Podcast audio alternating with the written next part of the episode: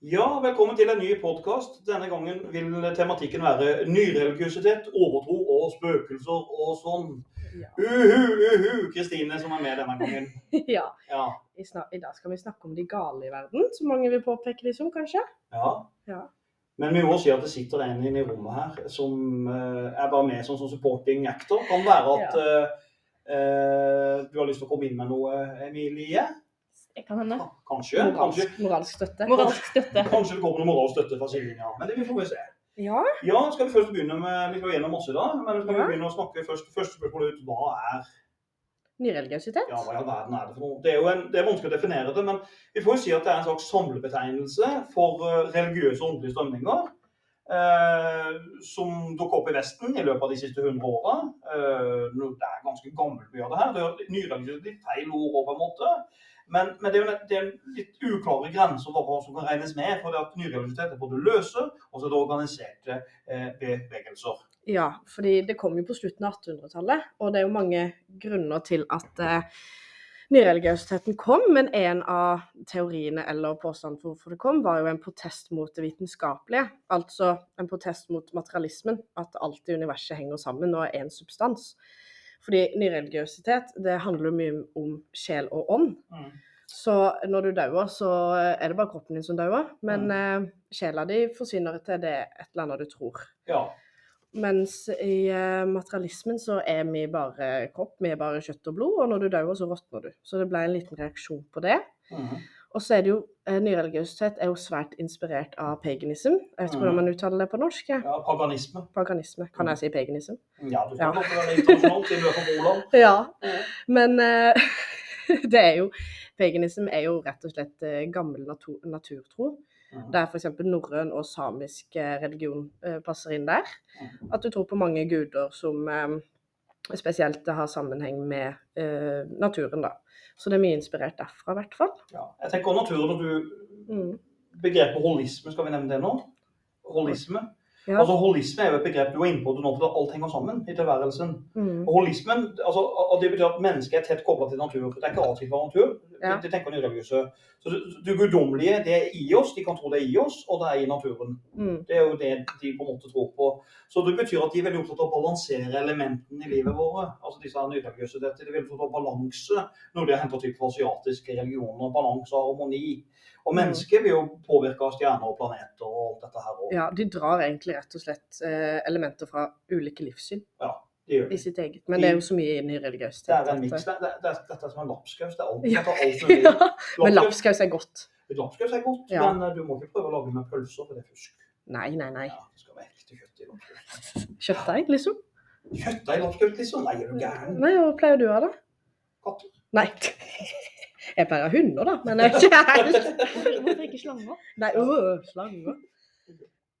Men um, innenfor nyreligiøsitet er det jo mange retninger eller måter å praktisere det på. Ja. Uh, ja, skal jeg si noe? ja, det kan du gjerne gjøre. Uh, vi har meditasjon. Uh, det har vi faktisk i Froland.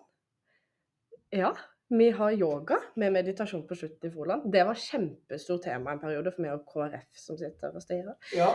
Og da fikk vi først ikke lov til det. Men eh, nå har vi det. Ja. Jeg har til og med vært med, vært med på det med mamma. Ja. Men det er jo så vittig, for under meditasjon så er det så mange som sovner. Og jeg og mamma vet du, når vi er i samme rom, og så ligger en og snorker ved siden av. Da holder vi på å daue av latter. Så de, har- altså, de har drevet med meditasjon i Froland, ja? Ja, eller yoga med litt ja. meditasjon på slutten. Det er en måte å komme i kontakt med sitt indre. Det er Ja. det man tenker. Filosofi er en annen måte, Ja. som man kan koble inn her. Ny religiøsitet. Og så har du jo sånne ting med selvrealisering, sånn karma, chakra, sånn, re- og tro på hva det et da? annet. Gjenfødelse eller Rekarnasjon. rekana, re, Ja. rekarnasjon. Ja. rekarnasjon. Noe i den måten der. Så det guddommelige er liksom å finne i vårt indre. Det er det ofte nyreligiøse tenker. Ja. Uh, nei, og så har vi jo spådommer Mm. og healing og hekser. Oho, Hekser er spennende. det er veldig spennende. Ja. Det er hekser ute der. Og så har vi jo så klart troen på spøkelser og ånder. Og de kommer vi med tilbake til. Det blir Ja, spennende. det er gøy. Det er veldig moro. Men jeg tenker for å ta et eksempel her, så, som Mhm. er så glad i eksempler, så, så et godt eksempel på sånn nyreligiøsitet det er jo noen, noen samer når de fanger reinen. Det er rein Ja. de fanger, er det ikke det? Eh, ja. Det er ikke bever, det er rein. Trebjørn kaller vi det. Men ja. ikke sant?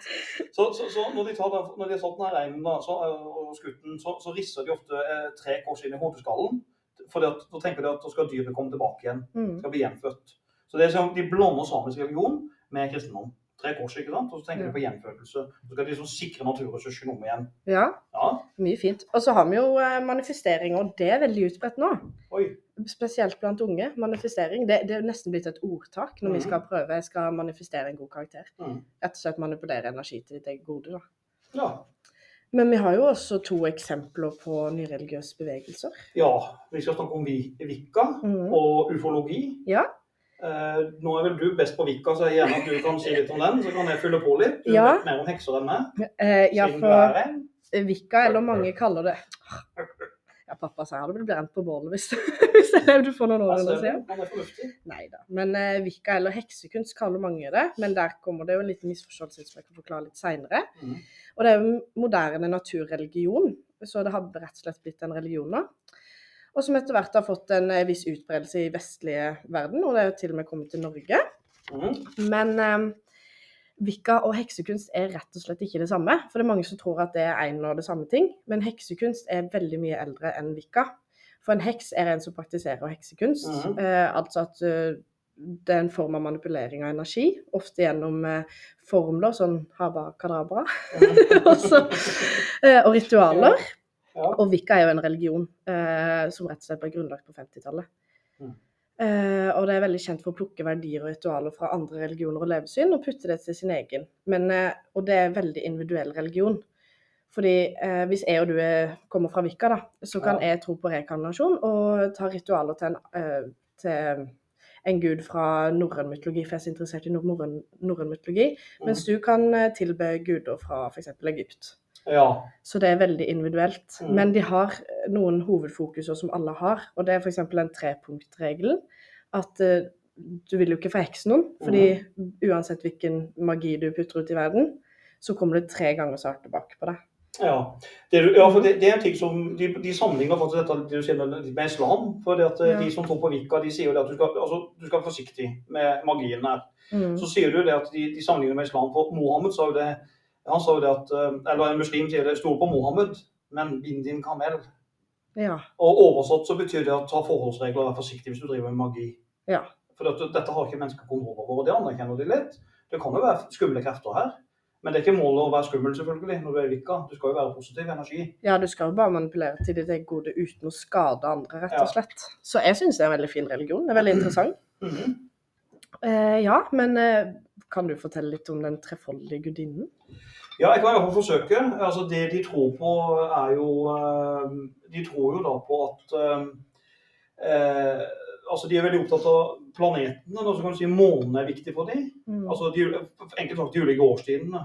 Ja. De tilbyr de ulike årstidene. Eh, og, så de tror på månen og den hordede gud. Eh, Det- er kaldt.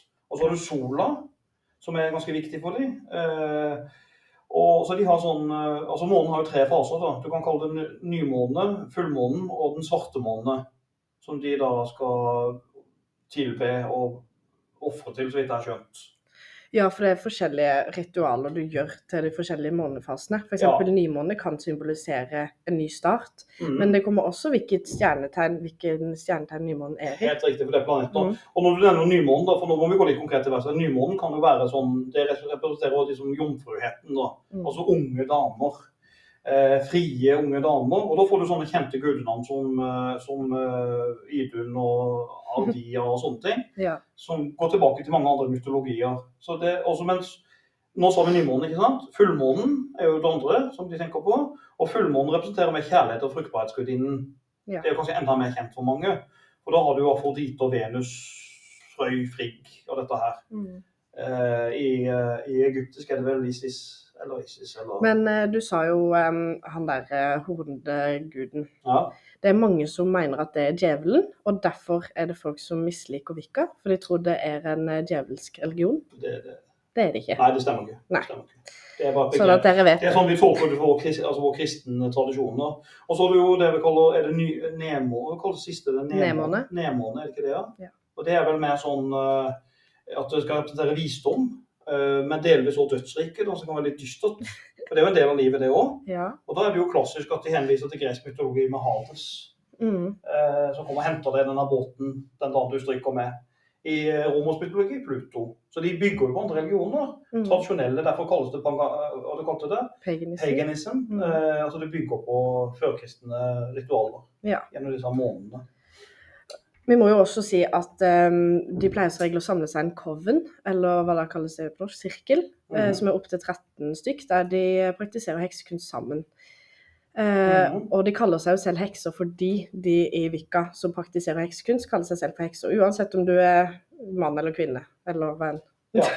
Ja. Og så er det som vi er inne på ritualene knytta til ulike årstider. og det, det er kanskje største tida midtsommer, for det er jo denne solguden på sitt sterkeste. Åh, jeg skal ha midtsommerfest i helga. Ja, det skal du nå. Ja.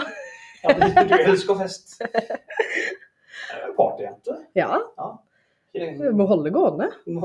Lage ny streak. Ja. Men, men, eh, men helt ærlig, dette går langt tilbake til sola fungerte for vår fruktbarhet og for jorda til. Altså, ja, dette er veldig tradisjonelt. Men Vika har jo ingen felles læresetninger eller hellige skrifter, som du sier. Men de har den regelen at du, du kan gjøre hva du vil, men du skal ikke skade andre. Og det er jo det de forsøker å følge opp. Ja. Eh, Så for eksempel så tar de noen ritt, Hvis du har gjort noe galt i livet, da, jeg snakka med en som var i Vika en gang, eh, og da hadde hun, hun hadde gjort noe galt, og da skrev hun ned hva galt hun hadde gjort på den lappen, og så brant hun den på et bål. Og da skulle hun liksom rense sine synder. da. Vi Ja. kaller det synder i kristendommen, da, men jeg vet ikke hva det der. Men det er jo en måte å gjøre det på. Brenner en Ja. lapp på det gale du har gjort, og så legger du det bak deg og går videre. Sånn kan de manifestere òg, men da tar de et blad, og så skriver Ja. de hva de vil manifestere, og så brenner de det. Akkurat. Og hvis de tror de er blitt forheksa, så tar de et vanlig, helt vanlig egg, tar det og stryker det på kroppen. Du skal helst være naken, og det skal ut fra kroppen. Og så, etter du har tatt over hele kroppen, så skal du knekke det i et glass med vann. Ja. Hvis det kommer sånn pigger opp, da er du feiksa. Da må du legge det i doen og strø på sånn der pepper, og så skylle det ned. Så forsvinner det. Det her syns jeg du visste skummelt mye om. Ja, jeg syns det er du- du- kjempeinteressant. Du? Eh, akkurat det egget har jeg faktisk prøvd. Men eh, ja, jeg er jo veldig glad i overtro, da. Ja, jeg Men jeg er jo ikke religiøs på noe vis, jeg er bare veldig troende. Nei, men det er det mange tror, og Ja. jeg er litt uenig med deg. For at, eh, jeg tenker at folk er mer religiøse enn vi aner. Ja, jeg tror jo på noe som er større enn meg, så Nettopp. hvis det er det som er definasjonen, så er jeg nok Ja. religiøs, da. Jeg tror veldig mange folk er religiøse. for I, eh, i sånn, la oss si, dødsøyeblikk eller katastrofer så roper folk på to ting. Det er mamma og Gud. Uansett hvem du er. Jeg roper på broren min, jeg. Ja. jeg når jeg har krasja bilen og sånn Adrian, Adrian! En gang. ja. Jeg satt ved siden av en gærning på flyet, for det var en stein bak svenske. da. Og så Ja. var det litt sånn turbulens når vi skulle lande. Og så plutselig så Vi trodde vi styrta, da, men det var mye vind på Kevi. Og så skreik han, så greip han tak i oss, så skrev han så skreik han selvfølgelig 'faen pluss Gud' og, og, og kløp meg i armen. Og så sa han 'nå styrter vi'. Og det var koselig. Men vi overlevde. i hvert fall her i dag. Ja. Men eh, jo, så har de jo en annen ting. De her i Vika, de har jo noe som den boka de har, he- heter 'Skyggenes bok'. Eh, den, Ja. altså, for da har de noe felles ritualer. Eh, men de holder boka 'Skyggenes bok', og det er litt viktig. For det at, de vil kalle det skygge, for det, at det som skjer i magien, det er jo egentlig kun en kopi av den virkelige opplevelsen. Sånn at du, du kan ikke skade noen. Det er sånn de mener da, da ikke sant? Mm. Altså du kan frem, Får du til noe magi, så er det kun en kopi. En illusjon, eller hva skal vi si? En ting som ikke nødvendigvis rammer deg. ja. Er jo skyggenes. Det er en skygge. Ja. Så greit. ja Har vi fått sagt det mest om jeg tror det. jeg tror det. Ja. Vil du starte litt på ufologi? Ufologi, ja. Jeg ser, Ja. jeg ser litt for meg at du egentlig er litt uh, ufologi sjøl, holdt jeg på å si. Du er sånn ufogærning? Ja, Ja, det tror jeg. Absolutt. Ja. Jeg må, ja. Det å tro på ufo er ikke lett. Jeg gikk i klasse med en som uh, sa en sånn ufo da jeg gikk på videregående skole. Jeg skjønner ikke hvorfor det skal være så vanskelig. Det, Nei, men han sa i høyt i timen en gang jeg så en ufo. Og jeg skal ikke si navnet hans her på podkasten, men han ble kalt hvis, Nå finner jeg på et navn, da, men han ble kalt Ufo-Kai resten av året. nei, uff, stakkar. Han mobba i tre år for at han hadde sett en ufo. Ja, da tør jeg ikke si navn, men det er to stykker i Froland som jeg kjenner godt, som eh, var på to forskjellige steder i Froland. Ja. Så samme lyset som de mente var en ufo. Ja. Ringte hverandre. Mm Få Og så. Det her skal vi ikke si til en levende sjel, så da tør jeg ikke si navn, men Nei, det blir latterliggjort. ja. Men ufologi, det som kalles ufologi, det er jo at man tror på at det finnes intelligente vesener hos solsystemet. Det er ikke bare oss. Mm. Det er jo tanken, da. Men der noen kanskje strekker litt langt, det er jo en som heter George uh, Amanski, uh, som mener han møtte et romvesen i ørkenen i California. Og uh, han møtte da romvesenet Orton, og Orton, som, Orton var fra Venus. Og da hadde de ifølge han eh, George Arminsky, de hadde en kaffekopp sammen i ørkenen i, eh, i, eh, i eh, California. Så romvesenet drikker kaffe, da vet vi det. ja. det var hardt i det. Ja, men det han. han advarte mot, det romvesenet han advarte verden mot, at verden kom med atomkrig. Men at noen skal bli redda av aliens. At eh, et visst antall mennesker som er gode, skal bli redda av aliens. Når var det han møtte denne alien? Men Vet dette er på 50-tallet. Jeg vet ikke nøyaktig mer. Jeg tror det var 50-tallet. Så det er jo kald Mm. krig-tematikk. Det er jo det han er påvirka, kanskje. Ja. Det og litt LSD, kanskje. Nei, jeg vet ikke. Men, eh, men eh, det er jo en, det der å bli redda opp, da, det er jo en parallell til den berømte historien med Noahs eh, Ark. ark. Ja, Noahs ark. Men ja. Er det kan det som er interessert, kan lese bøkene til Erik von Daniken. Han er en forfatter som har skrevet det at romvesenet har bygd mye på jorda. Altså, De har bygd i alle underverka. Pyramiden i Egypt er bygd av romvesenet, ifølge von Daniken. Og alle de her strekene, dinkene og stekene som vi kan se fra himmelen. Altså, Romvesenet var her først på jorda. Ja. Kristine tror du på aliens. Jeg tror du rett og slett er ganske dum hvis du ikke tror at det noen, finnes noen andre levende organismer ute i hele den store verden. Hva mener Da- du? Hva tenker du, Emilie? Tror du på aliens? Jeg tror på det. Det er et stort univers. Ja.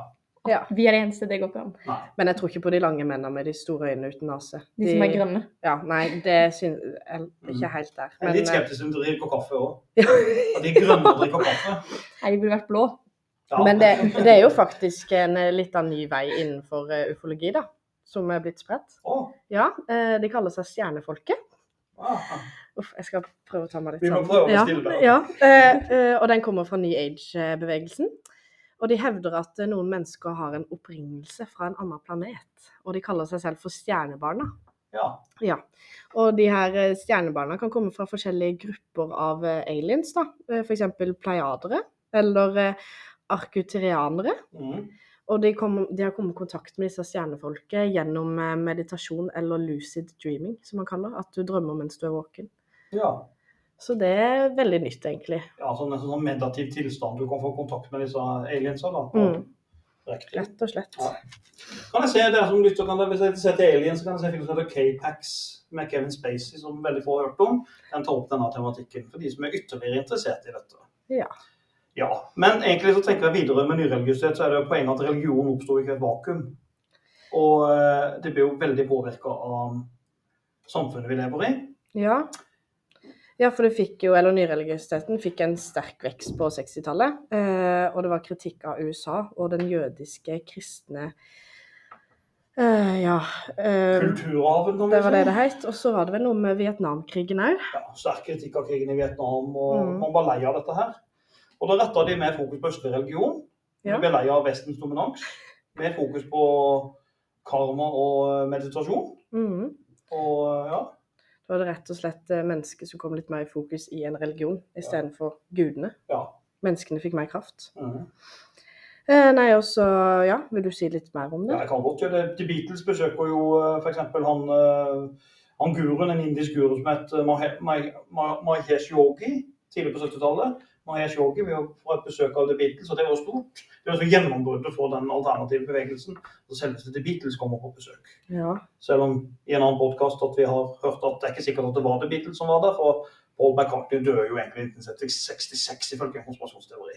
ja, ikke sant? Ja, på det. Ja. Konspirasjonsteorier tror jeg på, men ikke Ja. alle. Nei. Men, det, men det jeg tenker på i dag, så er det veldig fokus, mye fokus på jeg. Se på meg, jeg Mm. individet. Det er ikke så mye fokus på gruppa. Og da er det jo litt enklere å være privatreligiøs. Et annet ord for nyreligiøsitet kan også være at du praktiserer privat religion. Eh, så mange kristne i dagens Norge de vil jo blande på religionen. Eh, F.eks. at du, du, du, kan, du, kan, du kan godt tro på helbredelse og spådomskunst selv om du er kristen. Ja. Eh, noen tror jo på det at det er et hellig vann ved Fjerde kirke i Grimstad, for der var Olav den hellige og velsigna vannet. Ja. Og så er det jo noen som tror at de kan bli født på ny istedenfor å komme til himmelen, selv om du er kristen. Yes, helt riktig. Godt eksempel. Jeg tenker også det.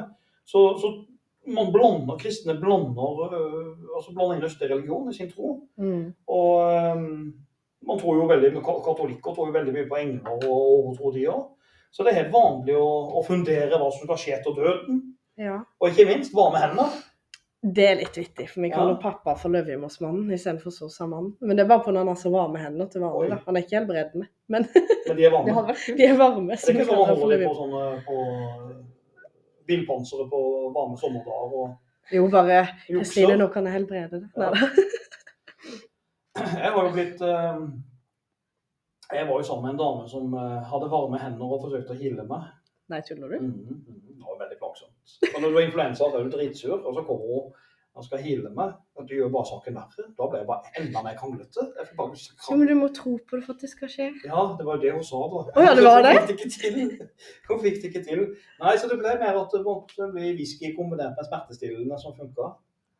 Ja, så, ja, så sånn var det. Men noen i dag har jo, er jo forskjellige nyreligiøse. Noen ber jo på bad. Noen har med seg gule fotballsko. Ja, Ja, Folk er rett og slett litt såkalt men er det religiøst? Ja, det er et godt spørsmål. Ja. Det spørs hvilken definisjon du bruker ut fra religion. For religion er jo, nå skal vi to definisjoner. Substansielt og funksjonelt. Ja. Hvis du går på substansielt, så er det kanskje ikke religiøst, for da må det jo være noe hellig. Noe overtro. Eh, Men funksjonelt kan det være, være religiøst. At det gir et fellesskap, eller at det gir deg sjøl noe. Ja. Ja. Så det spørs hvordan du ser det. Mm. Men, eh, men vi er blitt religiøse shoppere. Ja. Vi plukker litt her og plukker litt der. Og det er jo den eh, sekulariseringa som har vært veldig sterk. ja. Rett og slett at religionen er ut, mennesket er inn. Ja, egentlig. Men så har vi fått et nytt begrep nå som kalles re Sekalisering. resakralisering. Det er det nye begrepet. Og det betyr egentlig at religion har jo comeback, mener noen. Man er jo litt uenig da. Det er jo liksom Ja. Har vi sekularisering, eller har vi resakralisering? Men da tror jeg nesten at det er nyreligiøse som kommer inn, og så kristendom, jødedom, alle de verdensreligionene som kanskje faller litt ut, da. Mulig, ja. At folk Mhm. er litt lei av, lei av dette her. Ja. Ja da. Nei, men altså Men vi må tenke litt på det der hvor ut Altså Kan vi si litt, Kristine, litt statistikk her. Hvor utbredt er egentlig, eh, er egentlig eh, nyreligiøsitet? Eh, jo, eh, det er Hva skal jeg si da? Hver fjerde til femte nordmann tror jo på reinkarnasjon eh, og astrologi. Og reinkarnasjon, som tidligere sagt, betyr jo gjenfødelse. Og astrologi er òg læren om himmelen og innvirkninga på hvordan Mars står, Jupiter, hvordan det innvirker på oss mennesker. Og det er ganske interessant, for månen har jo en innvirkning på jorda, så kanskje har en innvirkning på menneskene òg. Mhm. Og så eh, ved tusenårsskiftet så trodde jo tre av fire nordmenn at det fantes en gud. Selv om denne guden sjelden ble identifisert med kristendommen, eller Mhm. kristne. Og så er det jo hele 50 tror jeg, som eh, tror på en form for himmelsrike. Men det er ikke mange som tror på helvete nå? Nei, for det er bare 5 Ah, skuffende. ja, du, du liker helvete, du. Laget. Lager. Jeg liker å lage helvete. Det er sånn du sier hver gang du skal på Nå skal jo du kanskje på bygdefest, og kommer du nå skal jeg lage et helvete. Nei, på TV så sier vi det er noe jævlige greier. Og Ja. sånt. Nå tar vi det, gutta! Vi går, på fest og slåss. Ja, Men det er faktisk veldig mange som tror på spøkelser og ånder. det er det ganske flere som Ja, tror på. for man vet jo faktisk ikke hva som eh, foregår innenfor fire vegger i Nei, huset til nei, det er det ingen som vet. Nei. Takk Gud for det. Vi takker. Eh, Men nå spørsmålet, hvor, hvor er det vi kommer i kontakt med ny religiøsitet på? Hva, litt, om, litt om hva vi tror på. Nå begynner vi å nærme oss inn på ja, spøk, spøk, spøkelser og slikt, kanskje. Nei, Ja. jeg kan jo si litt hvor jeg har kommet i kontakt med nyreligiøsiteten, da. Ja. Eh, og det er veldig mye sosiale medier i TikTok. Spesielt i koronatidene. Da satt jeg jo bare på TikTok. Og da får du vite masse rart, men det er jo ikke en eh, valued kilde. Mm. Og så har jeg jo bestemor. ja. Hun har visst meg mye, mye rart. ja. Og så er det jo film og TV. Eksempel The Vampire Mm. Diaries med masse hekser og mm. Ja. Supernatural, den serien jeg har sett. Den, Den er gøy! ja, den sett. og den Å, jo- med Dean og Sam. Ja. Mm. Og så ikke minst har de Back in Black, Ja! Governor Jack. Og så synger de Highway to Hell. Den har jeg krasja til, faktisk. Oi, hørte dere det? Ja, men det er Supernatural nye, også X-Files for eksempel, sånne nyreligiøse serier. Mm. Veldig opptatt av det. Huldra, har du sett Huldra? Filmen Huldra? Nei, Huldra Nei, men eh, har du hørt uh, Huldra støva uh, av byting? Nei, det er ikke. Har du ikke? Nei, men jeg, jeg har aldri hørt Var det sangen. Nei, Nei, den er, den er fin. nei, nei, den har jeg ikke hørt. Den er jo nydelig sett. Ja, det er countryband. Ja, Det er bare det jeg hører på, vet du. Mm, Jeg har hørt det, ja. Jeg skriver ned. Jeg skal lytte på, ta den på Spotify Ja, en gang. jeg var på konsert med de i helga. Har du nok. Men ja, har du noen steder du kommer i kontakt med nyreligiøsiteten? Det var det, da. Eh, kanskje litt sånn som du sa, da. Kanskje nå er jo dessverre mine besteforeldre gått bort, men det var litt mer igjennom de. For de hadde Ja. sånne klassiske historier som har dødd ut, egentlig, føler jeg. Men de hadde mange sånne skumle historier som Ja. egentlig var litt artige. Ja, jeg- Dessverre er de borte, da. Men det, det var litt sånn Oldefaren min trodde det var småfolk i skauen. Det er faktisk ikke kødd. Han gikk rundt og trodde det var småfolk i skauen, så små nisser. ja, Som gnomer. Ja, noe ja. Men han sier vi hadde den eh, sjette eller sjuende sans. Jeg vet ikke hvor mange sans man har. Nei, det, det kan være det. Men det kan jo godt være at det er småfolk i skogen òg. Det er jo mange lave ja, mennesker som er i skogen om kveldene. Sånn bitte små. Snakker du om meg? Nei da. Ja, du er liten. Ja, du er liten, for eksempel. Og det er mange så små folk som er ute og, med skjegg og sånn, som løper rundt i skogen om natta. Jeg har sett Du Vågard er tydeligvis store også, siden du går ut i skogen. Ja. Nei, men altså Hva er det vi egentlig tror, da? Hva tror vi? Spør, altså, vi, vi har en tendens til å tro på noe som er større enn oss. Det er en ting som jeg mener at mennesker gjør. Og da var den klassiske debatten mellom de to store de to store tungvekterne fra Hellas. Ja, nå må du forklare. Klassikerne. Nå må du fortelle, for nå så henger ikke jeg med. Aristoteles. versus uh, Platon. nettopp. Nå hang jeg med. Så er det et bilde der han ene peker opp, og den andre peker ned. Og Ja. eh, Platon peker opp mot himmelen, eh, og Aristoteles peker ned. Og den debatten er jo den egentlig det handler om. For Aristoteles vil jo kun anerkjenne kunnskap om det som vi kan sanse og se. Kan du ikke sanse og se det, glem det. Mm. Altså empirisme. Uh, bruke alle sju sansene, eller hva det er for noe. Eh, så enkelt er det. Mens Platon sier ja, det er kanskje mer enn det vi kan, sansene kan lure oss. Det kan være mer der enn det vi klarer å, å se. Ja. Og den tror jeg litt altså det, det idélæren til Platon, den skal vi ikke ta. Den kan du lytte på en annen podkast. Men det Platons poeng er, er jo at det finnes kunnskap utenfor det vi kan sanse. Og der er jeg enig med han i. Jeg tror alle har opplevd det at du sitter på en ja, du sitter på en buss eller du er ute et sted, og så føler du noen stirrer på deg. Du, du ser ikke at de gjør det, du kan ikke høre dem, du kan ikke lukte dem. Kanskje du kan lukte nei, men du, kan- du kan ikke sant? Du kan ikke sanse dem da. Men når, du snur deg, så er det en person som står og kikker på deg. Ja, det er rart. Det har, mm, det har man opplevd, det har du opplevd. og Ja, ja, Du, Du har opplevd det sikkert. Definitivt. Ja, og, og hvor kommer den kunnskapen fra? Den kommer jo fra noe som er kanskje større enn oss sjøl. Ja. Så, du, så, du, så Platon vil jo si det finnes noe større enn oss der ute. Jeg tror Mhm. på den. Som ikke vi Ja. kan forklare. Du får en følelse av at den kan stemme. En intuisjon, om du vil. Ja. Ja. Skal vi kjøre noen klassiske klassiske spøkelseshistorier nå? ja. Det er gøy. Kan du ikke snakke litt om uh, i Njåls saga, eller hva? hvordan man forklarer det? Njålsange. ja. Måten du sa det på. Ja, njål. Nei, nå begynte jeg å tenke på njål. Hvem er det som kaller ungen sin njål?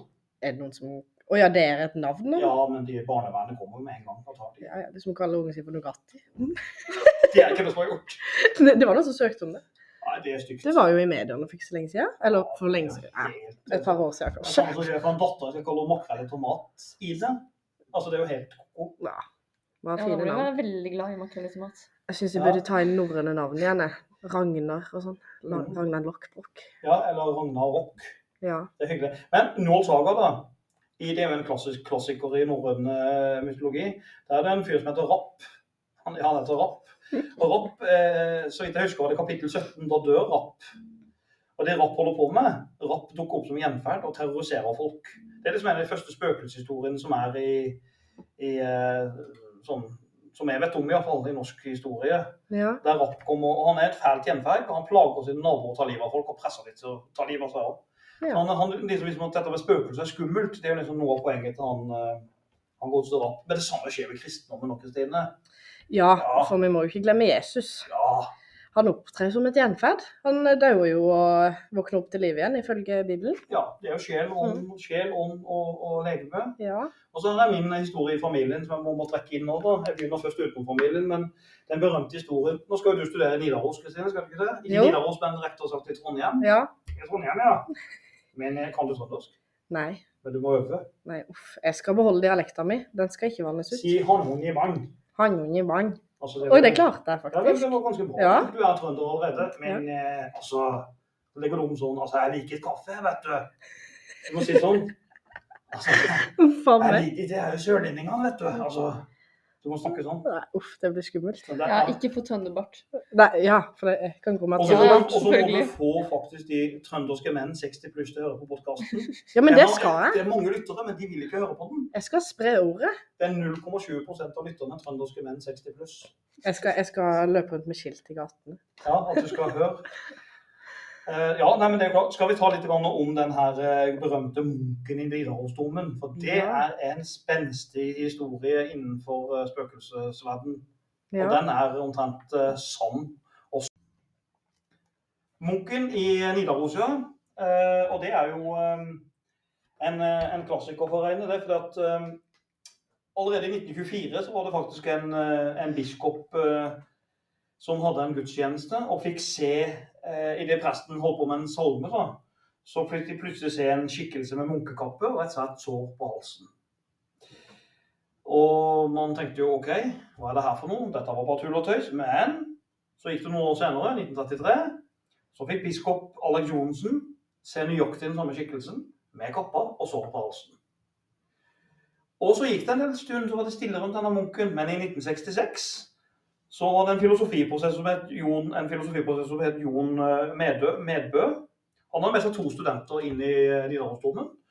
Og han holdt på med noen natter, han gikk der på natta da, med de to studentene. Og plutselig så hørte de korsang der i Nidarosdomen. Og den korsangen, det var latinsk korsang fra ca. begynnelsen av 1200-tallet. Og da fikk de også se denne munken med kappe og sår på halsen.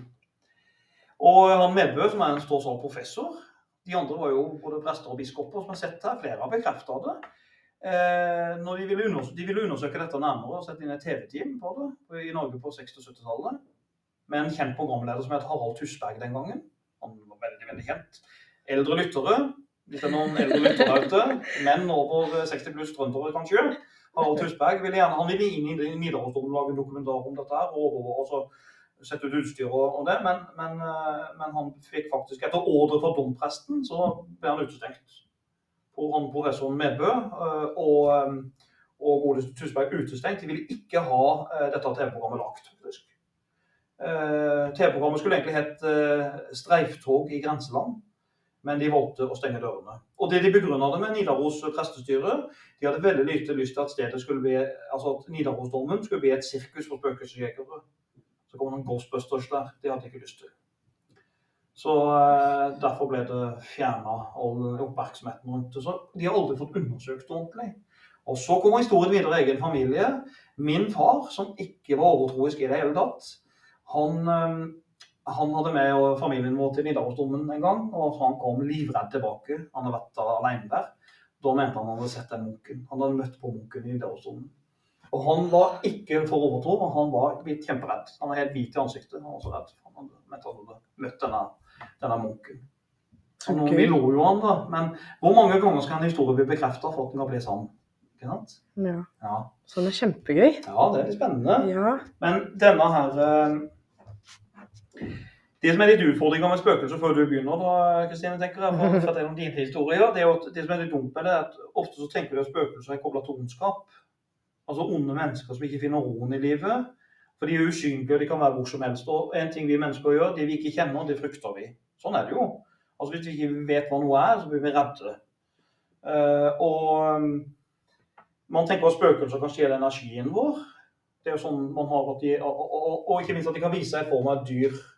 Det er ofte noe som står i, i, i kristendom og islam, at onde, onde spøkelser kan gå i form av en dyr. Et raskt eksempel da, i eh, forfatteren Goethe, i Goethes Faust, da er jo djevelen en svart puddel. Svart puddel av Alle dyr Og, svarte og faktisk eh, i filmen, i, og i, i grøsserfilmen Omen, så er jo djevelen da eh, altså, Eller on- onde rottweilere, da. Det hjelper seg litt bedre. Men eh, hvis jeg skal ta det for eh, nyreligiøsitet sitt perspektiv, så er det forskjellige grader mennesker kommer til når du dør. Mhm.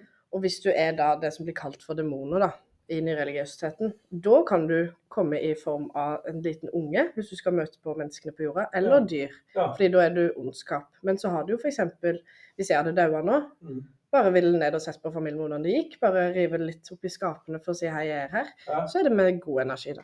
Fra Ja. nyreligiøsitetsperspektiv. ja, det er godt du sier. Mm, For det er så lett å tenke det at alt som er spøkelser at de er onde og fæle. ikke sant? mm. Det, det er ikke så enkelt, tror jeg. Nei. Men det er liksom det bildet vi har, vi har lagt. Og så har du det her med bankånder som varsler. Det var noen som trodde i min familie at eh, de mente at når folk døde, så ble det banka i veggene noen ganger. Sånn, ja, de eldre generasjonene. Ja. Tre bank i veggen, da, da er det noen som dør innen kort tid. disse bankåndene som varsler. Men varsler de for å være slemme, eller varsler de for å gjøre det godt? Ja. Det er jo et uh, spørsmål. Kristine, du er en spøkelsesjeger. Kan ikke du fortelle litt om dine spøkelseserfaringer? Så skal jeg prøve å si imot deg, for det er krangle. ja, men eh, Kanskje jeg klarer det. jeg da. har jo, er jo veldig sånn der eh, troende, og det er på grunn av jeg bor i et hus eh, der noen av delene av huset mitt er bygd før 1700-tallet, eller på 1700-tallet. Mm. Og det er så klart rommet mitt og det vi kaller for gamlestaua. Og så har oldefar, tror jeg, bygd på det, og så har pappa bygd på det igjen. Så det er litt sånn forskjellige steder hva som er nytt og ikke. Og det første vi opplevde i huset når vi flytta inn dit, var eh, Da var jeg så liten at jeg ikke opplevde det engang. Da var det mamma og pappa som hørte folk som gikk i trappene, og trodde Adrian, broren min, da, kom ned fordi han ikke fikk sove. Så gikk de opp, og der lagde han og sov. Og det skjedde også når eh, vi hadde barnevakt hjemme. Eh, av onkel og tante, og de var livredde. De ville bare ut når, etter de opplevde akkurat det samme. Eh, men personlig så um, har jeg opplevd litt av hvert, og fått filma det òg. Eh, mye rart. Eh, for eksempel så våkna jeg et smell på natta, dette er jo kanskje ett år siden. Og så tenkte jeg ikke noe over det, for kattene mine er jo helt ville. De har smelt opp en redningsvest en gang på natta, så jeg reagerte ikke noe særlig på det. Men når jeg våkna dagen etterpå, så var skuffen min på andre sida av rommet. Mhm. Um, og så ofte hvis jeg er på badet eller i et annet rom, så hører jeg mamma sin stemme rope på meg. Så roper Kristine, så roper jeg tilbake 'hva er det for noe?' For vi pleier jo å rope på hverandre. Ja. Uh, og så bare 'hæ?' Og da har ikke hun ropt på meg. Og det kan jeg høre når jeg er hjemme alene òg, så det er ganske ekkelt. Mm. Og så var det en gang kusina mi sov hos meg, på mitt rom, da. Det originale rommet. Så lagde vi bare på madrassen, fordi vi sov på madrassen vi var små. Eh, og så lagde jeg en bukse oppå bagen hennes, og den ble bare sakte dratt av. Men før så ble jeg jo redd av det. Da løp jeg jo til bestemor. Klarte ikke å være alene hjemme på morgenen engang når mamma og de var på jobb. Da løp jeg ut døra når jeg skulle på, til bussen. Men nå syns jeg er kjempekoselig, for vi kødder om at det, eh, kødder om at det er onkel Nei, onkel faktisk. Ja. oldefar Knut Ja. og tante Anne, som var søstera hans, som bodde i huset. Men det sykeste som har skjedd, og det skjedde eh, for to uker siden, da vi spilte bingo, faktisk, av alt. Og eh, vi satt med ett tall igjen til å få 2000 og vinne Mm. bingoen. Og så fikk vi 2000 eh, Nei, fikk 2000. Eh, og så fikk vi bingo, og så skreik vi. Og da gikk eh, pærene ut i rommet vi satt, og halve kjøkkenet ble tomt for strøm. Halve kjøkkenet. ja. Og mamma bare nei, det var sikring godt. Jeg bare ja, kanskje en sikring har gått, men eh, to forskjellige. Mm. Og ikke Ja, nei, det var kjempespesielt. Det var ganske skummelt. Men det var interessant det du sier nå, for nå skal jeg prøve å kategorisere det du sier. Nå skal jeg prøve å være Ja. her. For det du sier er at du har faktisk For spøkelseshistorie kan du inndeles i hvilken sans du oppfatter det med. ikke sant? Mm. Du, du, du, du har jo på en måte Du har jo sett de, eller sett, sier du. Ja, mye rart. Og det er jo, det, er jo den visuelle sansen, ikke sant? Ja. Altså den visuelle delen av spøkelseshistorien. Og så har du faktisk opplevd og den, men du opplevd nemlig den, eh, den audiative, altså den du hører, den audiative spøkelsen. Altså at du hører det går i trappene og sånt. Mm. ja, som du sier. Så da har du fått de to sansene dekka. Men det spesielle der, som er litt sånn skummelt, det er de advarer litt mot, hvis de kommer så nærme, de som tror på dette, da, at de faktisk begynner å bli de taktile. De taktile, det betyr at de, tar bort, at de, begynner, altså at de går bort og tar på folk. Ja. For at da blir det nettopp en skygge. Oi, oi, oi. Jeg ble tatt på inn i rommet. Da sier jeg som er Elias, ikke ta på meg, ikke ta på meg, du er så teit, du er så teit. Jeg vil ikke stå opp. ja, jeg vil ikke, jeg vil ikke, jeg vil ikke gjøre det. Men du, det skal si det. De taktile, for da begynner du å gå vekk fra det som vi kaller skyggenes bok. som vi kaller det, ikke sant? Da, da begynner det å komme reelt her. ikke sant? Å nei, jeg syns det er kjempekoselig. Ja, du synes det er koselig, ja. Men uh, enten så er jeg gal i hodet, eller så kan jeg kan jo ta åndens makt i huset mitt for å se om jeg er gal, mm. eller om det faktisk er noe der, da. Og så har du en annen, en annen rett, men det nevnte ikke du, da, men da har du de odorative, blir det kalt da. Og det er jo de som tar, de kommer med lukt. Det er noen som mener du kan skje gjenferd Det har jo skjedd. I trappa vår til Ja. andre etasje, der gikk jeg ned og så sa jeg til mamma oi, her lukter det gammelt. Så Ja. kom hun så, øh, og lukta. Nei, det lukter tante og far, Ja. som Det- da er oldeforeldrene mine. Ja, det er noen som mener det, at du har den odorative òg, som, som, som kommer fram. Den er særlig til stede på treningssenteret. Lukter gamle mannfolk. Ikke si noe galt om den 60 pluss, for de skal jo lytte til podkasten. Ja, stemmer det. Beklager. Og så har du jo de ekstra det er faktisk noe blir kalt de ekstrasensuelle spøkelsene. Det er de som du får bare en følelse altså Du kan ikke sanse dem, men du får en sterk følelse av deres nærvær. Mm. At for eksempel, Det betyr kanskje at håret reiser på armene dine. Det er sånne ting. Så vi Man får sånn frysninger, liksom. frys, frysninger, Mm. ja. Det får jeg hele tiden. Ja, og da har du en, en energi eller kraft rundt deg, mener de. Noen tok jo de som mener at, eh, at man tror på det. Og så er det jo det at eh, Men jeg tenkte å få si litt imot deg, dere. så Jeg skal prøve meg litt på det. Jeg, jeg sier ikke det at du tar feil, men, Det kan men, godt være. men noen av de historiene du sa nå, det er jo veldig typisk at de er sett i sammenheng med når du våkner opp eller sovner. Bingoen. Nei, Jeg nå lar vi bingoen være, for da knekker du det argumentet. Men, ja. det, det, men det ene er litt sånn når man er, eh, det, altså når man er litt sånn trøtt og døsig, så kommer det, det er jo der de fleste spøkelseshistoriene ligger. At man er trøtt og det, og du sliter å skille mellom er dette en virkeligheten eller er det en drøm. Mm. Jeg husker jeg våkna en gang, og så sto den personen og stirra på meg. Men så tenkte jeg etterpå jeg tror det var en drøm. Jeg håper det var en drøm. Du kan enda ha det søvnparalyse, da. Jeg- Nettopp. Og Eller, er- eller naboen din. Søvnparalyse er rett og slett at hjernen din eh, våkner Ja, naboen din. Jeg har en feil nabo der. En annen der. Eh, Det er at hvis eh, Det er at hjernen din våkner før kroppen din, så du ligger Jeg bare tenkte på naboen min. Det er som ikke Guy i Friends. Ja. Går rundt i underbuksa. Det gjør vel du òg? Jeg ser for Ja, meg du henter post i han. underbuksa. Nei, nei, nei, han gjør det. Han henter post i underbuksa, så klør han seg på fugla sånn. Ja, men, men det Det er. Trenger du en snuspause før jeg fortsetter? En liten En liten Kanskje det er. Ja, nå får du Jo, hva søvnparalyse sa du? Ja, det? ja, søvnparalyse. Det har jeg opplevd sjøl, så jeg kan forklare det ganske detaljert. Ja. Det er, men eh, av eh, hva heter det sånn, naturfagsperspektiv, så er det at eh, eh, ja, Hæ? Ja, at eh, hjernen din eh, våkner eh, før kroppen din, så du ligger helt lam i senga. Mhm. Um, eh, ja, hva jeg skulle si nå. Du ligger helt lam i senga, og så kan du Jeg som har opplevd det sjøl, da. eh, Jeg så hele rommet mitt, og så klarte jeg ikke å bevege. Du prøver å rope på mora di, som jeg pleier, men du klarer ikke å rope heller. Og så hørte jeg bare noen steg som kom opp trappa. Døra mi åpna seg, og så kom det en skikkelse, og så ble jeg kvelt. Og det, det har skjedd flere ganger. Men det tror jeg pga. når jeg var fire år gammel, så daua jeg nesten av vepsestikk. Og jeg ble helt sånn i halsen. Ja. Altså, det- psykologisk forklaring. mm, Ja, men det skjønner. Det, det er et sånn eksempel på søvnparalyse. En naturlig psykologisk forklaring. Ja. mm. Men det er jo skummelt, da. Ja, selvfølgelig er det det. Og når du gikk på psykologien, er jo mye selvfølgelig med spøkelser. For andre forklaringer er jo en norsk psykolog, han er krisepsykolog Atle Dyregrov, han er mye i media. Han sier jo det at de fleste som ser spøkelser, de vil ofte se det etter de har så og savn om dødsfall i familien nå. Og da begynner de å se Ja, familiemedlemmer. du leiter etter det, på en måte? Ja, du leter etter å erstatte det du har mista. Så du leter etter tegn på at den døde må finnes et sted. Og så kommer dette bildet et bilde der en vegg, en dør smeller. Unnskyld, Kristine, det knirker en trapp. Det er i gammelt hus, og da tenker man å ja, nå, kommer, nå er det er ute og går, ja. Mm. Mhm. For Man savner de kanskje, og så tenker man at den døde vil formidle et eller annet. Ja. Eller hvis du mangler noe i livet òg, så kan det være man gjør det òg. Ja. Ser etter noe som er større enn seg selv, på en måte. Ja, jeg tenker litt det. Mm. Men det er jo veldig mye mange forklaringer. Det kommer trøtthet, det kommer forvirring. Husk på, og ikke undervurder det jeg merker når jeg har lest mye, så kan jeg av og til få sånn at øyet skjelver. At man dirrer på øyet. Ja. Har du merka det? Jeg får tåkesyn, da. Ja, nettopp. Og øyet, øyet som begynner å dirre, skjelvende øye, det kan påvirke veldig synet ditt. Mm. Og, og ikke minst hvis du sitter og er veldig trøtt, så kan du bli litt paranoid og høre lyder. Når jeg har vært alene på hytta på vinteren, så hører jeg jo jeg Tror du var aleine på hytta? Ja. Å, fy. Og jeg var helt sikker på at det var Batman jeg hørte en kveld. Men, men Det var Spiderman. det var Spider-Man. Jeg hørte Bat-signalet. Nei, men også kan det jo være sånne ting altså Alt fra gasslekkasjer til altså, Det er mange naturlige forklaringer òg. Skal jeg argumentere mot det? Du kan gjøre det kort. Ja. Vi har jo mediumer, eller synske. Det er veldig spesielt at noen mennesker kan si til meg at når du var fire år gammel, så farga du håret ditt rosa, liksom, eksempel. Mm. Ved ting som eh, du absolutt ikke personen kunne visst. Eh, og så har du jo kameraer, tar opp frekvenser som vi mennesker med blå øye som regel ikke kan se. Mm. Der kan det komme mye rart. Eh, som kan kanskje bevise det. Nå skal ikke jeg være helt overbevisende her. eh, og så er det et sånn berøringsapparat. Har du sett på Spøkelsesjegerne? Ja, jeg Ja. har sett det. Da er det jo en sånn svart boks med Mhm. en sånn antenne med Ja. Ja. Eh, og der lager de eh, et eget sånn der, hva heter det, eh, frekvens.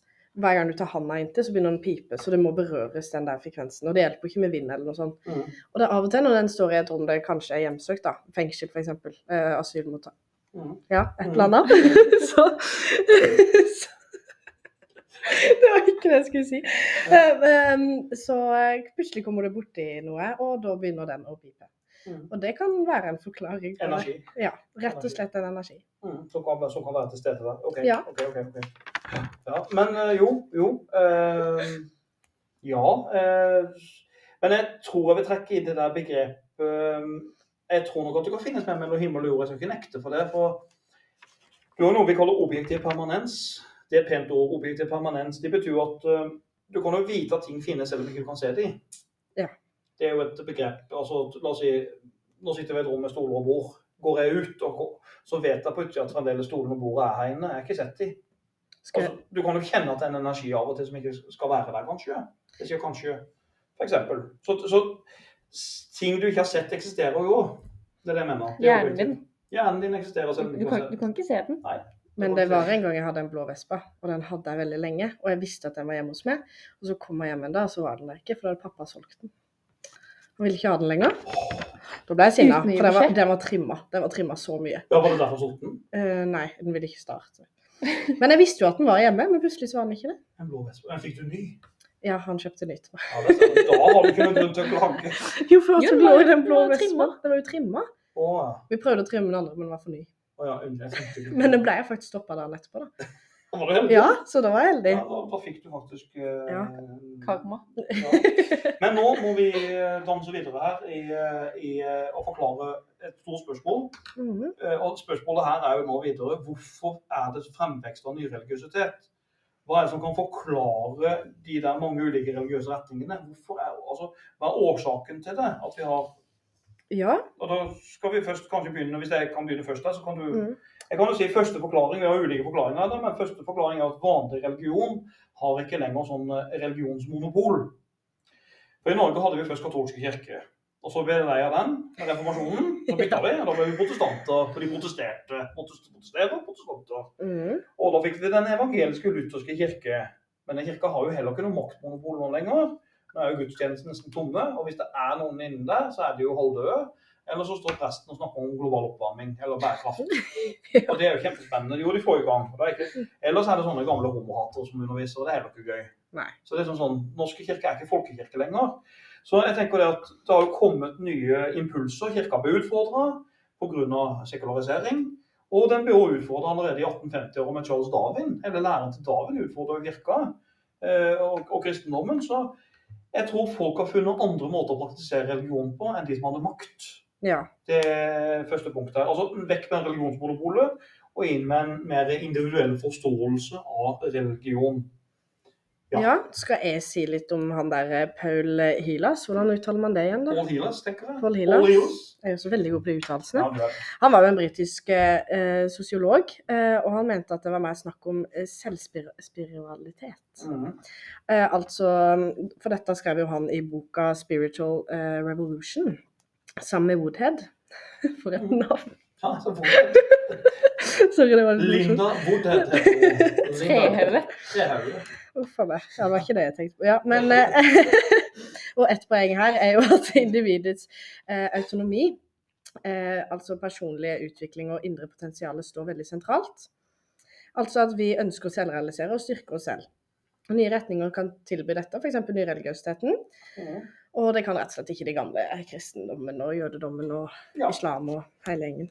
Kan gi personlig vekst. Rett og slett personlig Ja. vekst. Og, det, og da kan jo folk gå på kurs, og de kan lese om åndelighet og meditasjon, og de kan finne det de har lyst til å bruke tida på. Ja. Og alternativ medisin er det noen som velger å bruke eh, akupunktur og ulike former for massasje. Og er akupunktur Akupunktur, det er sånn eh, du stikker nåler, er det ikke det? Å! Ja. ja, sånn i Ja. ryggen? Ja, ja, nå skjønner jeg. Å. Åh. Noen liker å brenne de og sånn. Sånne varme steiner og sånn? Eh, Det kan også være, men det, er vel ikke akkurat, det har vel et annet navn, kanskje. Jeg er ikke Ja. helt sikker. Jeg er ikke mer stødig i det her. Altså. Nei? Men um, Vil du eh, si litt mer? Jeg kan si mer. Altså, mm. En annen ting er jo at eh, hvorfor, hvorfor En annen forklaringsmodell er jo at nyreligiøsitet er jo et middel til å finne ut hvem vi er. Altså over fremtiden vil bringe. For det at eh, vi er veldig opptatt av å finne oss sjøl i vårt samfunn i dag. Og da er det jo helt greit å bruke eksempelvis eh, Skal vi si Altså Ja Da bruker du mange ulike teknikker for å finne deg sjøl. Du kan bruke astrologi. Eh, og astrologien bygger på kunnskap om hvordan planeter og sånn eh, stjerner står i forhold til hverandre. Eh, og en astrolog vil jo kunne spørre hvilken personlighet du har, hva fremtida vil bringe. Eh, og astrologien er jo årtusen gammel. Den er jo kjempegammel. Går langt tilbake til Egypt. Mesopotamia går tilbake til. Den er jo gammel. Så den er jo sånn sett veldig spennende. Og Hinduismen er den veldig vanlig. Og man er veldig opptatt av stjernebildet og stjernetegnet du er i, da. Ja. Ja. Hvilket stjernetegn er du i, da? Eh, Jeg er eh, født i eh, Når er bursdagen din? Ja, det var det, da. Jeg har bursdag samtidig som Elvis Presley. Har du? Mhm. Ellers, har du også sett filmen til Elvis Presley? Mhm. Ja. Men eh, Så du er da steinbukken, da? Det medfører riktighet. Ja. Skal jeg, skal jeg prøve å fortelle litt om det? Om steinbukken, ja, så skal jeg fortelle om du. Det jeg vet om du. Da skal jeg prøve. Skal du prøve? Ja, du, får, du, okay. du først om deg sjøl, så kan du ta det Eh, du. da kan jeg ta den sterke sider av du. Skal vi prøve? Jeg er flink til å løfte Ja. Jeg slår, jeg slår deg lett. Har du sett de bøse armene mine? Uff. Åh. Nei da, jeg benker ikke. Jeg vil ikke miste puppene. Jeg vil ikke miste puppene av det. Men uh, sterke sidene dine er, er eh, at du er ansvarlig, tålmodig, eh, ambisiøs, eh, lojal og eh, ressursfull. Og du styres av planeten Saturn. Eh, alt, Saturn, det var veldig rar eh, uttalelse av den. Saturn. Ja, men det betyr altså da hvor nærme Saturn er til jorda, og hvor den står i solsystemet. Eh, det kommer til å påvirke noen av dine eh, egenskaper, da, variabler. Eh, og da den planeten her eh, påvirker karrieren din, fokuset ditt, karmaen din, Mm.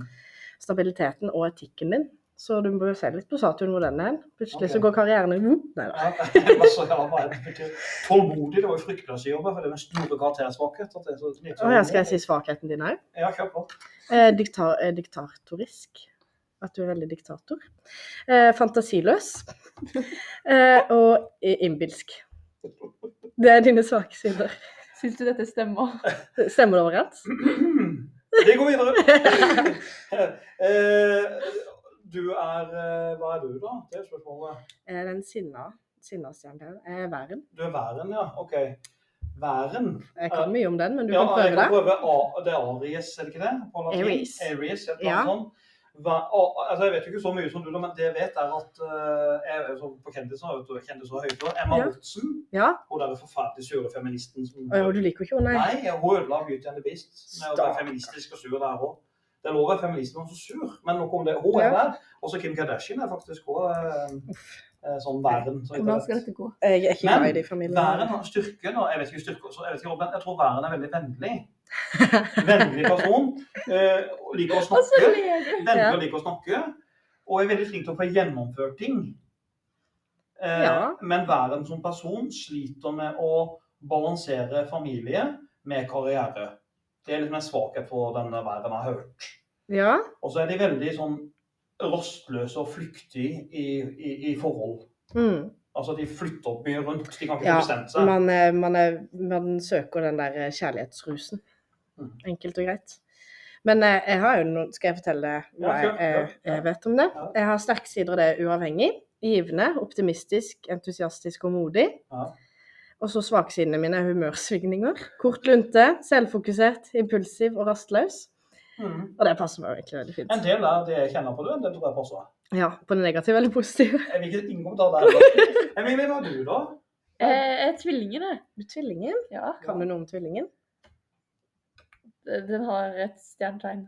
Jeg har, jeg har stjernetegn på smykket mitt. Smykke- Ja, men det er, det er rart å tenke på. Altså, vi, vi tar det ikke så seriøst, men det går faktisk med ned og så smykker rundt halsen. Ja.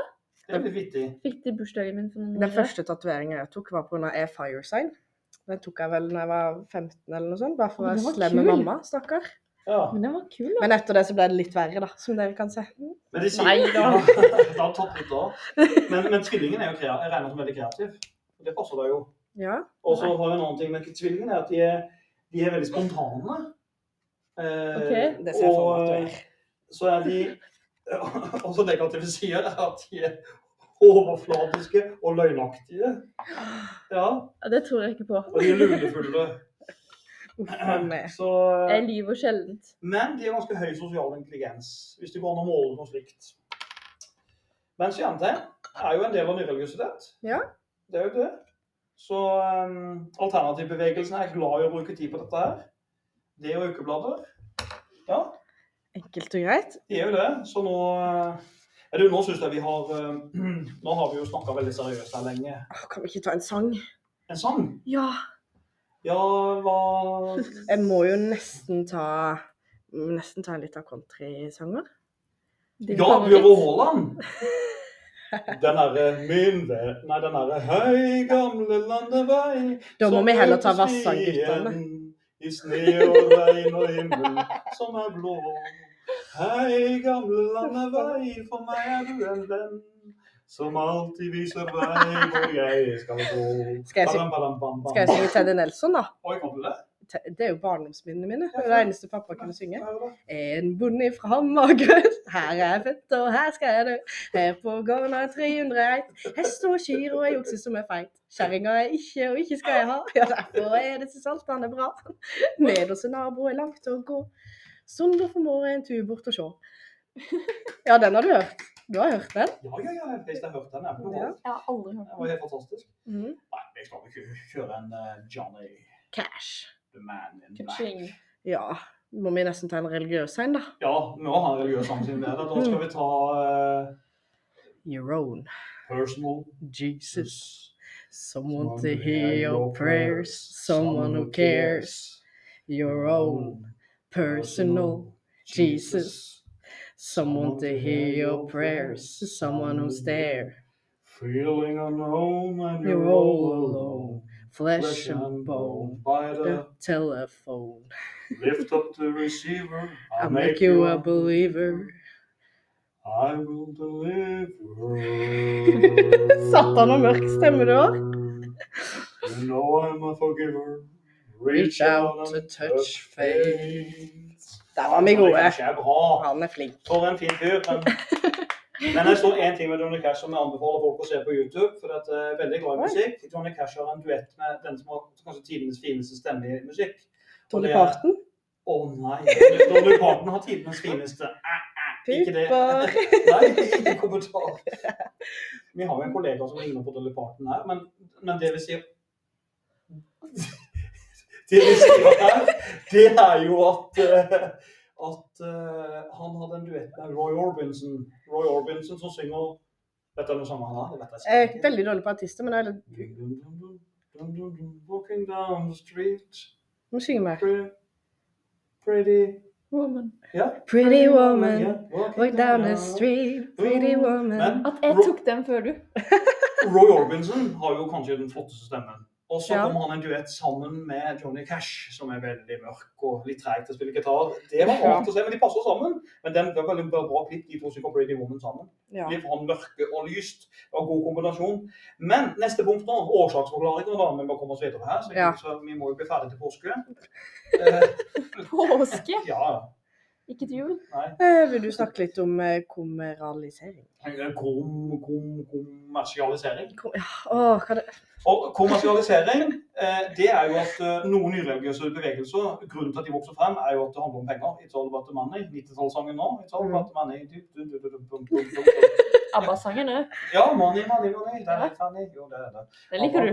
Ja, men bak kommer Mamma Mia. da. Nei, unnskyld. Dancing Queen. Den, hvis du ikke liker den, Den da blir jeg skuffa. Den er bra. Jeg hater Dancing Queen. Den er så den- den tar- queen, den- den tar livet av alle måter. Nei, nei, nei. only 70. Jeg legger ned podkasten hvis det er sykt den. Skal vi begynne å synge? Da påkaller alle trønderske menn 60 pluss til å synge, til å synge mot dere.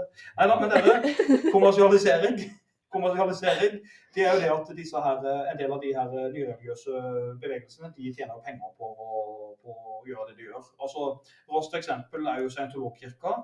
Eh, og scientologer, hva er egentlig det for noe? da? Scientologer. Hva er scientologer egentlig for noe? Det er jo kjente navn her. Det er jo noen veldig kjente scientologer. Kjendiser. Ja, vi har jo John eh, Travolta. Travolta. Travolta. Katie. Holmes. Altså Tom Cruise. Er Tom Cruise det til og med? Ja, han er det. Jesus. Han er ikke så høy, men han er scientolog. Er ikke han høy? Du og høyde. Han er veldig kjekk, da. Nei. Jo. Nei. Ikke. Mamma er forelska. Det er alle mammaer.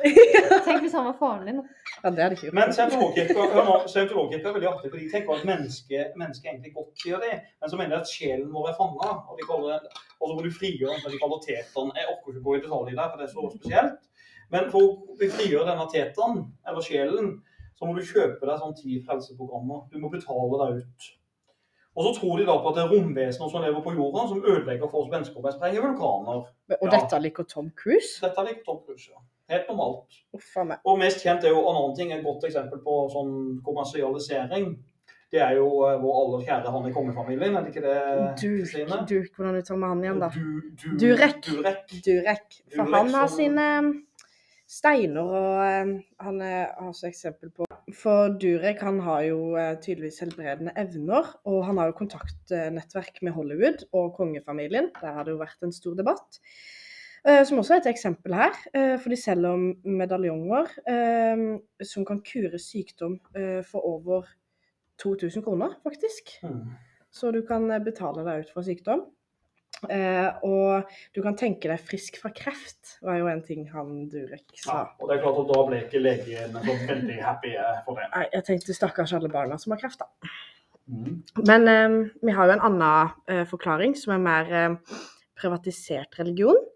Eh, da er det den gamle formen for streng religion, med oppmøte, bønn, forsamlingssted, som er under endring, rett og slett. Og folk har høyere utdanning eh, og har mer, mer kritiske eh, og antidogmer, Mm. hvis det er sånn man kan si det. Ja, antiautoritet. Ja, rett og slett. Og det er ikke mange til stede på gudstjenester på søndag lenger. Nei. Det er det Så ikke. religion er mer privatisert, rett og slett, som du sier. Mm. Jeg tenker også det, at det, det blitt litt endringer. Ja. Hva var det? det? Er det et spøkelse? Det er en, Er det det, er en bankovn. det, det er Knut fra huset mitt. Han har blitt med meg. Hvis Knut har skifta kjønn og heter Emilie, så skal han stemme. Og er blitt en, bank, en bankovn på 1,80 med lange fingre. Men- Har du lange fingre? Ja, Emilie sitter i rommet med veldig lange fingre. Se. Neglene mine går ikke opp engang. Nettopp. Kjempestore hender. Ja vel. Ja. Sånn er det du spiller håndball i for mange år. Da strekkes fingrene. Åtte. Mm. Fra første til åttende klasse. Ja, jeg turner, jeg, vet du. Men um, har du noen flere forklaringer? Eh, kanskje, ja. Altså, en, del, en, annen, en annen forklaring veldig kjapt. da. Det er en standard sosiologisk forklaring på hvorfor de vokser, de nyreligiøse miljøene. Det er jo at de vokser pga. samholdet. For hva er det mennesker absolutt ikke vil? Mennesker har ikke lyst til å være alene i livet. Stort sett ikke. Mm. Så veldig mange av de bevegelsene er jo derfor å motvirke ensomhet og få til samhold. Det er jo en grunn til at eh, folk kommer sammen i det òg. At de har lyst til å ha det litt hyggelig sammen. Altså, hvorfor kommer folk sammen i bingolag og fotballklubb og håndballklubb og eh, katteklubber og eh, klubber for 60 pluss menn trøndere i Trondheim som bare leser bøker og ikke hører på podkasten? Er det irritert Du må mange lage her i en dag? podkast om trønderbart. Ja, jeg skal det. Jeg har nevnt det før. Ja, Nietzsche Nietzsche. Ja, trønderbart. På steroider. Ja. Men jo da, og så er det klart nyreligiøsitet, retning og en annen forklaring er at de er mer moderne. Eh, Selv om de går tradisjonelt tilbake, så er de mer tilpasset tida vi lever i. At de snakker mer hva kan religionen gjøre for deg? Ikke, hva, ikke, ikke hva du skal gjøre for religionen. For vi er opptatt av oss selv i dag, og da er det veldig greit å ha en moderne form for religion. Og så er jo igjen dette tilbake til siste begrep holisme. Og det er viktig i vår tid med bærekraftig utvikling, som alle snakker om. Og eh, innenfor alternativbevegelsen så er man veldig opptatt av miljøvern. For holisme, alt henger sammen. Vi er jo sammen med moder jord. Menneske og natur er rett.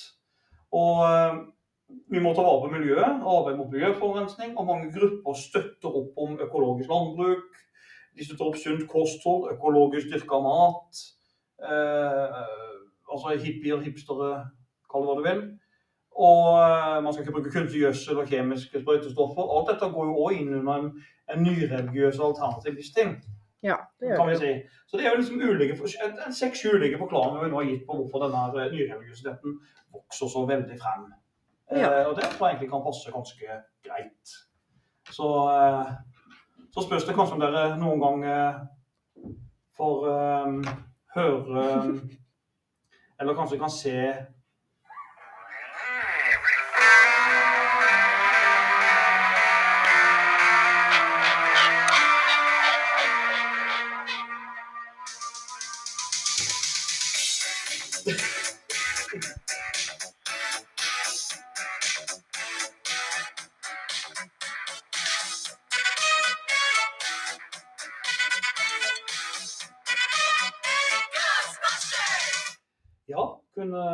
Dere å tatt en bachelorgrad i spøkelsologi? Eller Jeg tror jeg hadde blitt for inhabil, rett og slett. ja, du hadde ikke klart å være nøytral. Jeg kunne ringt dem hvis jeg hadde sett noe. Du hadde ringt istedenfor? Ja. Ansynlig lurt. Ja. Nei, men eh, nå tenker jeg at uh, nå vil jeg snart opp på Burger King og skal spise chili cheese. Ja, for nå er jeg lei av spøkelser. Ja. Så skal vi si takk for oss nå? Du vet at jeg har faktisk en spøkelselukt i rommet mitt. Hver gang jeg er sulten, så lukter jeg chili cheese. Så det har blitt en sånn spøkelseshistorie. Nei da, men Ted, jeg kan si til Kristine at hun er ikke sånn en uh, dame som, uh, som veier 150 kilo. Altså, jeg bare jeg er ikke traktorlesbe som det kan kjøres ut som. Nei, det, er helt, det, det medfører riktighet. Eh, Men vel, dere, da sier vi tusen takk for innsatsen vår, og så ja, hei og hå.